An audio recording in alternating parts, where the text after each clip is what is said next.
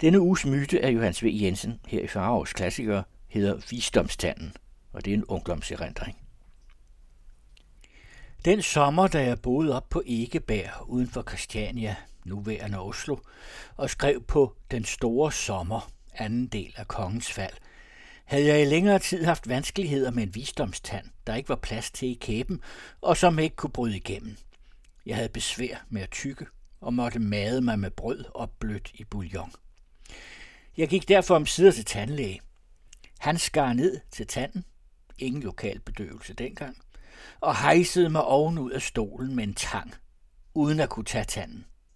Hovedrystende trak han sig tilbage fra mig med udbredte hænder. Han kunne ikke tage tanden. Og jeg måtte så virkelig pakke mig ned på gaden igen med min mishandlede kæbe, der værkede, som om jeg havde en hammer inde i hovedet. Med halvt åbenstående mund for tanden var trukket et stykke op, gik jeg Karl Johan igennem, og hvad mon folk må have troet. Til jeg fandt en klinik, og uden omstændigheder kom på operationsbordet, i fulde klæder og støvler. Man bedøvede mig, kloroform, kvælningsstøden. I sidste øjeblik søgte jeg at befri mig, men blev holdt nede af en sygeplejerske med bløde arme, men stærk som en hop. Og så døde jeg da døden for første gang. Men jeg levede op igen, efter at være blevet af med tanden, og kom ned på gaden, dinglevogn og med et forfærdeligt hoved, kastet op et sted i en krog. På et apotek købte jeg nu en klump is af en brosten størrelse. Farmaceuten leverede mig den forarvet. Han troede, jeg var fuld og kom fra et orke for at få is til nye pjolter.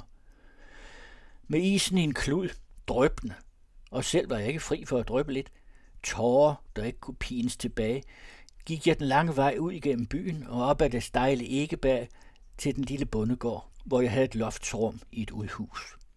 Her gik jeg i seng, først for alvor i nød, da jeg kom til at ligge ned.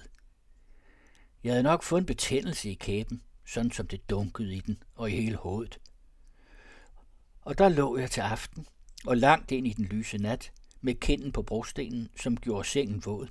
Ekstra vædet med nogle drengetårer vrede, salte tårer, der pinte i kværken.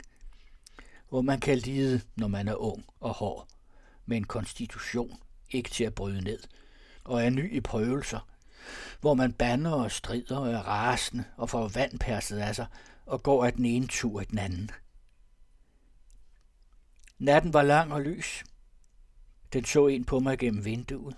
Vi var ene to, himlen og jeg. Alle mine kræfter var gået, og der døde jeg da for anden gang. Hen på morgenen, da jeg så gry på himlen, følte, hvor jeg sank, mens smerterne gik over i en dyb lykkefølelse, der faldt som en dulmen på øjenlågene, indtil jeg for hen. Da jeg vågnede, havde jeg sovet dagen over, og ind i næste lyse nat en dødlignende søvn. Jeg var pjaskvåd, dampede som kogt fisk, men nu var mit hoved i ro, og jeg var klar. En overgang havde jeg fantaseret og talt højt med mig selv. Efter endnu en god lang søvn resten af døgnet, stod jeg op og fejlede ikke noget mere. Var kun dygtig sulten. Og sådan, som man er, når man er ung, skænkede jeg dagen efter ikke fortrædeligheden en tanke. Men sindsbevægelserne, smerterne og narkosen, feberen og den lykkelige følelse af ophør gik siden over i skildringen af Axels død i kongens fald. Myten om visdomstanden blev første gang trygt i 1944. Og der kommer flere myter af Johannes V. Jensen her i Farhavs Klassiker i de kommende uger.